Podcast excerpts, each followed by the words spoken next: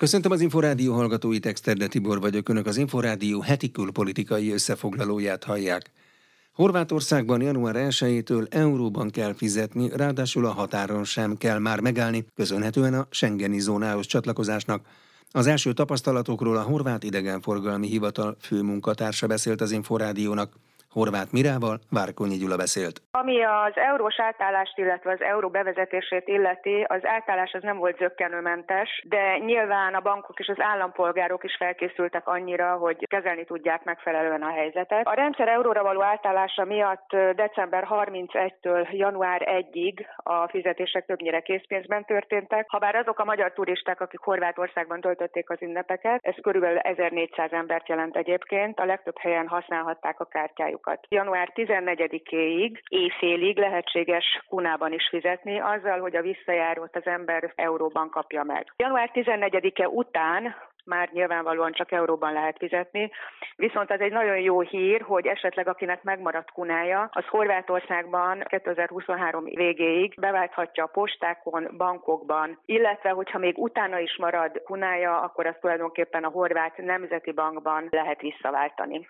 A hétköznapokban hogy kell felkészülniük a magyar turistáknak arra, hogy Horvátország belépett a Schengen övezetbe, és jelenti ez bármilyen változást? Pozitív változást jelent egyértelműen, hiszen Horvátország Schengen övezetbe történő belépése egy nagyon fajsúlyos és nagyon jó pozitív motiváció lesz ahhoz, hogy egyre több és minél több magyar turista válaszna majd Horvátországot, hiszen gyorsabb utazásokra számíthatunk, és a határokon tulajdonképpen ugye nem is kell várakoznunk. Évvégéig beválthatják a kunájukat euróra a horvát állampolgárok. Ez vonatkozik-e mondjuk a magyarokra is, akiknek otthon még van azért kunájuk? Ez bárkire, tehát mindenkire vonatkozik, nyilvánvalóan állampolgárság nélkül. Azt jelenti, hogy az egész évben vissza lehet váltani kereskedelmi bankokban, a postákon, illetve a pénzügyi ügynökség a FINA egységeiben. Tehát ez december 31-ig lehetséges, illetve utána a Horvát Nemzeti Bankban lehet visszaváltani. Úgy kell elképzelni a változást, hogy most még kunában és euróban is megvannak adva az árak, és ha igen, akkor ez meddig marad így?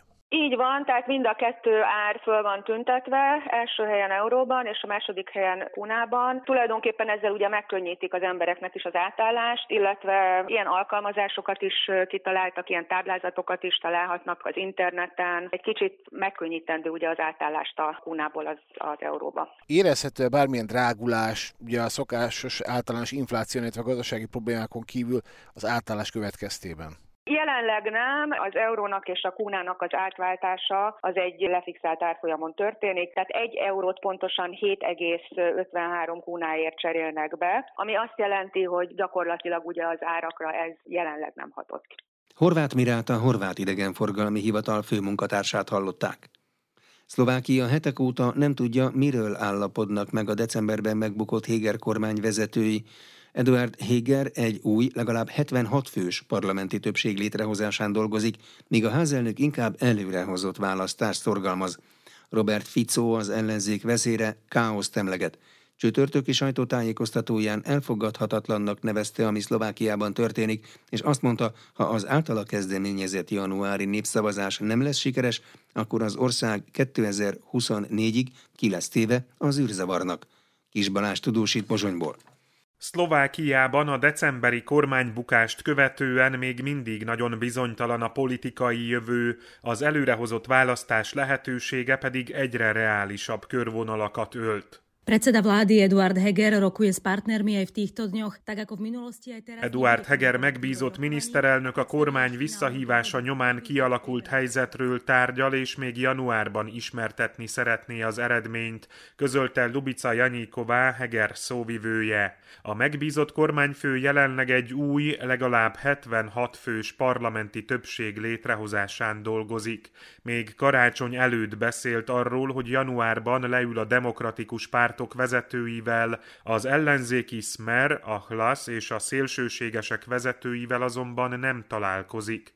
A demokratikus erők összefogásával kapcsolatban a szóvivő szerint Eduard Heger világosan fogalmazott. Spolupracovať chce so všetkými demokratmi, ktorí zdieľajú spoločné hodnoty ľudskej dôstojnosti, slobody a demokracie. Kész együttműködni minden demokratával, aki tiszteli a közös értékeket, az emberi méltóságot, a szabadságot, a demokráciát, az igazságszolgáltatást és a békét, tette hozzá a szóvivő. Boris Kollár házelnök, az Merodina elnöke kijelentette, előrehozott választást szorgalmaz, de nem fogja akadályozni a kormányfő egyeztetéseit.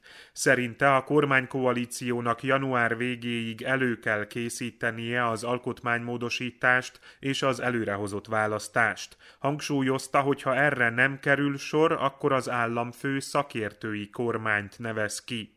Egy ilyen szakértői kormány kinevezését, mely nem bírja a parlament támogatását, Veronika Remisová a koalíció legkisebb pártjának, a Zalugyinak az elnöke sem támogatja, emellett az előrehozott választást is elutasítja. Mint mondta, ilyen választás az országra nézve mindig katasztrofális eredményt hozott. Közben Robert Fico, Szlovákia korábbi háromszoros miniszterelnöke a január 21-én tartandó népszavazáson való részvételre buzdítja a választópolgárokat. Csütörtöki sajtótájékoztatóján az ellenzéki Smer elnöke rámutatott, bár a kormány megbukott, még sincs lehetőség arra, hogy előrehozott választást tartsanak. Fico ezen kívül az országban uralkodó káoszról beszélt, amely miatt véleménye szerint Szlovákia elfogadhatatlan állapotban van. To referendum je slovenské, legitímne, nevyhnutne dôležité pre fungovanie tohto štátu, pretože... A népszavazás törvényes, az állam működése szempontjából abszolút fontos, mert meghatározza a következő parlamenti választás után hivatalba lépő kormányok szabályait, mondta az egykori miniszterelnök. Ismét Zuzana Csaputová köztársasági elnököt bírálta, mondván az államfő azzal hozta Szlovákiát a jelenlegi helyzetbe, hogy meghiúsította a korábbi népszavazást, az alkotmánybírósághoz fordult és olyan szituációt teremtett, amelyben az alkotmány módosítása nélkül nem lehet előrehozott választást tartani. Ak referendum nebude úspešné, ak bude neprídu do referenda, budeme vystavení zmetkom až do roku 24. Ha a népszavazás sikertelennek bizonyul, akkor 2024-ig ki leszünk téve annak az űrzavarnak, aminek eddig is szemtanúi lehettünk, tette hozzá Robert Fico.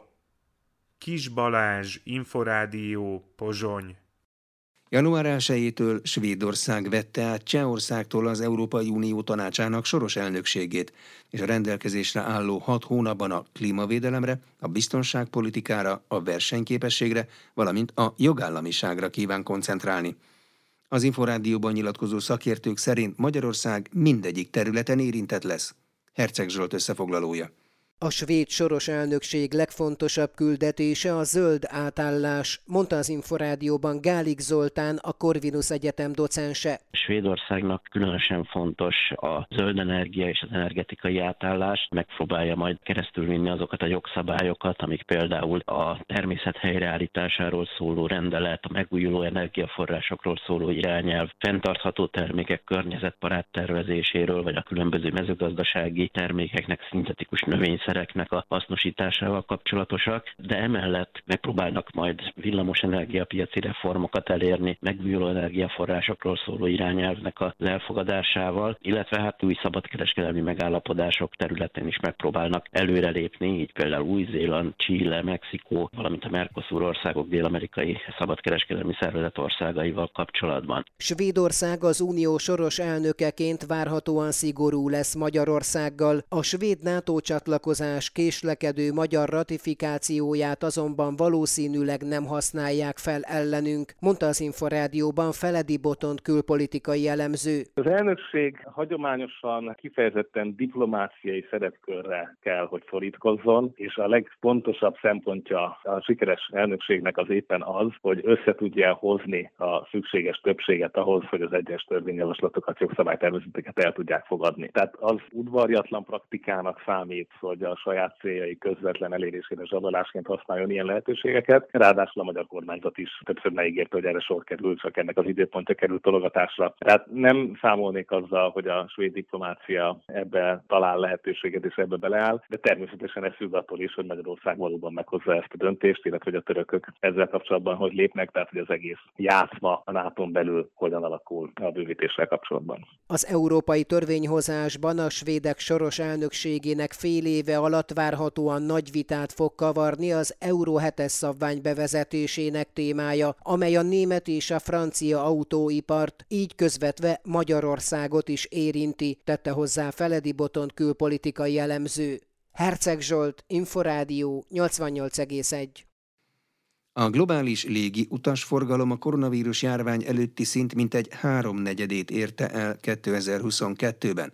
Idén folytatódik a növekedés, de a 2019-es rekordév számait még nem érjük el, mondta az Inforádiónak az Ökonomusz Gazdaságkutató Alapítvány vezető elemzője. Pásztor Szabolcsal Kalapos Mihály beszélt nem egy elhanyagolható iparágról van szó, ugyanis 2020 előtt a légipar globálisan 65,5 millió munkahelyet tartott fent, és a világ GDP-nek 3,6%-át adta. Ez az iparág meghatározóbb, mint a gyógyszeripar vagy az autóipar, és hát ha a légipar önálló ország lenne, hogyha ezzel a fikcióval élnénk, akkor a 20. legnagyobb ország lenne az országok rangsorában. A légiutas forgalom 2022-ben a világjárvány előtti szint hány százalékát érte el? A 2019-es év egy rekordév volt, egy abszolút rekordév volt a légiutas forgalomban. 2022 első három negyedére vonatkozó adataink vannak. 2019-hez képest az utazási szám a közel 75%-át tudta elérni. Ez egyébként 57%-os növekedés 2021-hez képest, és hát 2022-re, a teljes évre már van becslésünk, az valószínűsíthető, hogy nagyjából 34 millió repülés. 2021-ben egyébként csak 20,1 millió repülés történt, és hogy ugye érzékeljük az arányokat, 2019-ben 38,9 millió. 2023-ra várható-e a visszapattanás? Eljuthatunk-e oda, ahol 2019-ben voltunk, illetve ha nem, akkor ennek milyen okai vannak? A Nemzetközi Légiszállítási Szövetség előrejelzésére tudunk hivatkozni, hogy 2023-ban elérhető lehet a 2019-es szint nagyjából 85,5%-kal. Tehát teljes visszapattanás nem történik. Ennek jól körvonalazható okai vannak. Vannak geopolitikai okai, az európai háború, vannak olyan országok, amelyek még mindig nem nyitottak teljesen, itt leginkább Kínára lehet gondolni. Ugye az utóbbi napokban már természetesen lehetővé vált, meg válik a kínaiak számára is az utazás, de sorra jelentenek be fogadó országok korlátozásokat velük szemben. Megemelkedtek az üzemanyag költségek is, tehát input oldalon költségesebb a légiközlekedés, mint olyan, és hát ki lehet emelni azt is, hogy az erős dollár nem minden légitársaságnak kedvez, az amerikaiaknak igen, de egyébként a világ egyéb légitársaságainak kevésbé. Mit lehet elmondani a budapesti nemzetközi repülőtér 2022-es teljesítményéről? A budapesti repülőtér szépen belesimul a globális tendenciákba. Ez egyébként azt jelenti, hogy körülbelül hasonló mértékben esett vissza korábban az utasforgalom, most pedig hasonló mértékben növekszik az utasforgalom, mint a globális átlag. 2022. októberében 1,2 millió utas fordult meg a budapesti repülőtéren, ez egyébként 220%-kal nagyobb, mint a hasonló 2021-es adat. Ez a szám nagyjából a 80%-a a 2019. októberi adatnak. Pásztor Szabolcsot az Ökonomusz Gazdaságkutató Alapítvány vezető elemzőjét hallották.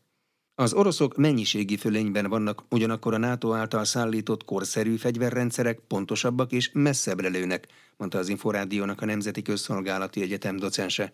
Kaiser Ferenc arról is beszélt, hogy márciusra vagy áprilisra várja mindkét fél a nagy támadást. A riporter Ignát Márk. Az oroszoknak nagyon komoly mennyiségi fölénye van, jóval több, akár mondjuk harckocsikban, három-négyszeres tüzérségi eszközökben, szintén olyan háromszoros mennyiségi fölénye van. Ugyanakkor főleg a tüzérségi eszközöknél a NATO által szállított korszerű fegyverrendszerek pontosabbak és messzebbre lőnek. Tehát a, az oroszoknak a nagy mennyiségi fölényét, azt részben egyensúlyozni tudja az ukránoknak leszállított nyugati fegyvereknek a minőségi fölénye, mert amúgy egyébként az ukránok ugye a konfliktus kezdetén ugyanazokat a fegyverrendszereket használták egy csomó esetben, mint az oroszok, hiszen mind a két haderő ugye a szovjet fegyveres erők örökségéből származó fegyverekkel tüzérségi eszközökkel, harckocsikkal, gyalogsági harcjárművekkel rendelkezett. Ha Ukrajna nem kap nyugati fegyvereket, akkor hogyan zajlott volna ez a háború ön szerint? Ezt nehéz megmondani, valószínűleg Ukrajna területének egy jelentős részét, tehát a mostaninál nagyobbat meg tudtak volna szállni az oroszok. Ugyanakkor azt is látnék, hogy már április 7-én elhagyták Kiev környékét, tehát egész egyszerűen a rendelkezésre álló erőkkel azt a hatalmas területet, amit a háború elején elfoglaltak, nem tudták megtartani az oroszok. Nyilván itt a hírszerzési támogatás, nem csak a fegyvertámogatás is fontos, hiszen a nyugati műholdaknak, titkos szolgálatoknak, elektronikus lehallgató eszközöknek köszönhetően az ukránok azért az orosz haderő minden nagyon mozgását be tudják azonosítani, és fel tudnak rá készülni, tehát megfelelő ellentevékenységet tudnak folytatni. Ami viszont biztos, hogy a jóval nagyobb megszállt területen vélhetően nagyon komoly gerilla háború lenne, hiszen a most még orosz ellenőrzés alatt lévő területeken is számos bizonyíték utal arra, hogy ellenálló csoportok támadják az oroszokat. Nem biztos, hogy Oroszország önerőből egy egyedülálló Ukrajnát teljesen el tudott volna foglalni. Sőt, vélhetőleg inkább csak a keleti területeket, az is lehet, ugye az orosz támadás célpontja, hiszen itt van a legtöbb nyersanyag, itt vannak a mezőgazdaságilag a leg értékesebb úgynevezett fekete földes termőterületek, és nem mellesleg itt van az orosz lakosság, mármint a magát nyelvében orosznak valló, de az utóbbi időszak alapján inkább ukrán érzelműnek mondott orosz lakosság. Most per pillanat ebben a konfliktusban ki áll jobban? Ha a frontvonalakat nézzük, padhelyzet van, tehát az elmúlt bő egy hónapban nem nagyon voltak látványos sikerek egyik oldalon sem. Az oroszok még mindig elkeseredetten nyomnak, próbálkoznak a front középső szakaszán, ugye Bakhmutnál, most már Prigozsin, a Wagnernek, ugye a, hát a börtönviselt tulajdonosa, a parancsnoka, hogy ennek a magánhadseregnek is azt mondja, hogy naponta egy vagy két épületet tudnak elfoglalni nagyon komoly veszteségekkel. Mindenhol máshol inkább állnak az arcvonalak. Most mind a két fél készül a tavaszra. Most ott sincs annyira hideg, tekintve, hogy óriási esők voltak a kelet-ukrán területeken is, azt jelenti, hogy Rasputica van. Ugye ez magyarul azt jelenti, hogy akkor a sártenger, annyira vizes a talaj, hogy még a láztalpas harcjárművek is elakadnak a sárban, tehát mindenki, mind a két fél arra vár, hogy vagy lefagyjon az egész, ez legalább egy hét kemény fagy szükséges, hogy járhatóvá váljon a föld, viszont a hidegben nyilván a katonáknak a terhelhetősége jelentősen kisebb, de még inkább a legtöbb szakértő azt mondja, maguk az ukránok is, meg az oroszok is egyébként, hogy március-áprilisra várja mind a két fél a nagy támadást. Ugye az oroszok közel 300 ezer katonát mozgósítottak a tartalékos rendszerből, az ő kiképzésük zajlik, de Ukrajnának is Lengyelországtól Nagy-Británián át rengeteg nyugati ország képzi a katonáit tehát jelenleg úgynevezett hadműveleti szünet van, ami valószínűleg jelen ismereteink szerint, de hát hogy egy háborúban bármi változhat, márciusra fog eljutni oda, hogy mindkét fél, de az oroszok egészen biztosan egy nagy támadást fognak megindítani. Kaiser Ferencet a Nemzeti Közszolgálati Egyetem docensét hallották. Az Ökonomusz Gazdaságkutató Alapítvány szakmai igazgatója szerint 2023 végéig valamilyen módon véget ér az orosz-ukrán háború aktuális szakasza. Az Inforádió Aréna című műsorában Kocsonya Zoltán kérdezte Bendarzsevszki Antont. Azt megtanulhattuk, hogy a háborúk általában a tárgyalóasztalnál érnek véget valamilyen paktummal, békeszerződéssel, békekötéssel. Most így 2023 elején látszanak ennek esélyei tud-e egyáltalán ez a két elnök, Putyin és Zelenszky egymással békét kötni vajon? Én azt Ami gondolom, mondjuk túlmutat egy fegyverszüneten, mert ugye az még kevés lehet. Én azt gondolom, hogy többször elmondom különböző fórumokon, hogy 2023 ilyen szempontból mindenképpen egy, egy ilyen fordulópont lesz, és azt gondolom, hogy 2023 végéig valamilyen módon a háború aktuális szakaszára pont fog kerülni. Ez nem azt jelenti, hogy véget ért teljesen a háború, de az aktuális szakasz valamilyen módon le kell, hogy záruljon.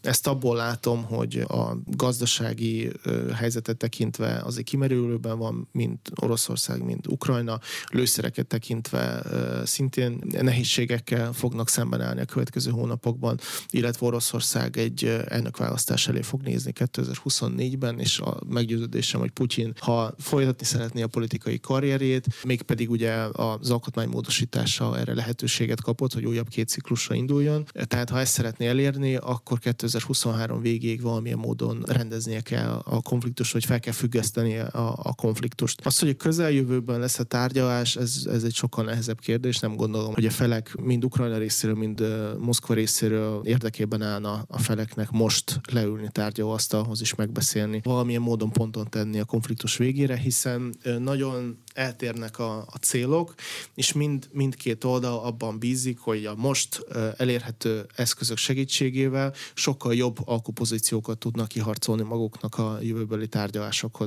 Ukrajna abban bízik, hogy további területeket tud visszafogalni ugye Oroszországtól, hiszen a helyzet az, hogy szeptemberben Oroszország rendkívüli módon megnehezítette a tárgyalásokat, ugye a négy ukrán terület annexiójával, amíg korábban lehetett volna olyan tárgyalásos megoldást találni a felek között, amely részben az orosz szándékokat is elfogadtatta volna. De van egyáltalán most egyáltalán bármiféle párbeszéd, mert úgy tűnik a hírek alapján, meg a tudósítások alapján, hogy ez is befagyott, de azért elemzők utalnak arra, hogy nyilván valamilyen diplomáciai, katonadiplomáciai egyeztetés a háttérben azért zajlik, és akkor felveti mindez azt a kérdést, hogy lehetnek-e például közvetítők, akár nemzetközi közvetítők ebben a most arra befagyni látszó konfliktusban. Erre hat érje ki mindjárt, csak befejezem ezt a, ezt a gondolatot, hogy tehát, és egyébként igen, tehát valóban vannak kísérletek, vannak közvetítők, mindjárt erre rá fog, rá fog térni. De hogy a négy ukrán terület annexiójával, ugye Oroszország kimondta, hogy ez a minimum, amire ők hajlandóak belemenni. Innentől kezdve ez orosz közigazgatás része, és Oroszország számára nagyon nehéz kilépni most innen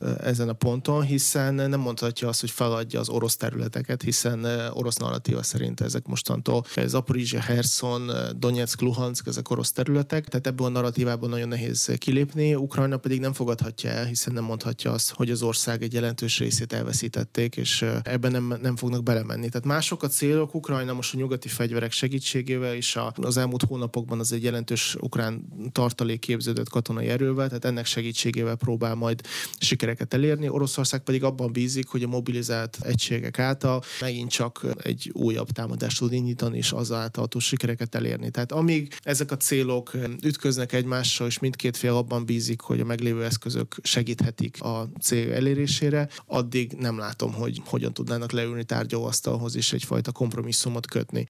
Benderzsevszki Antont, az Ökonomusz Gazdaságkutató Alapítvány szakmai igazgatóját, a posztszovjet térség szakértőjét hallották.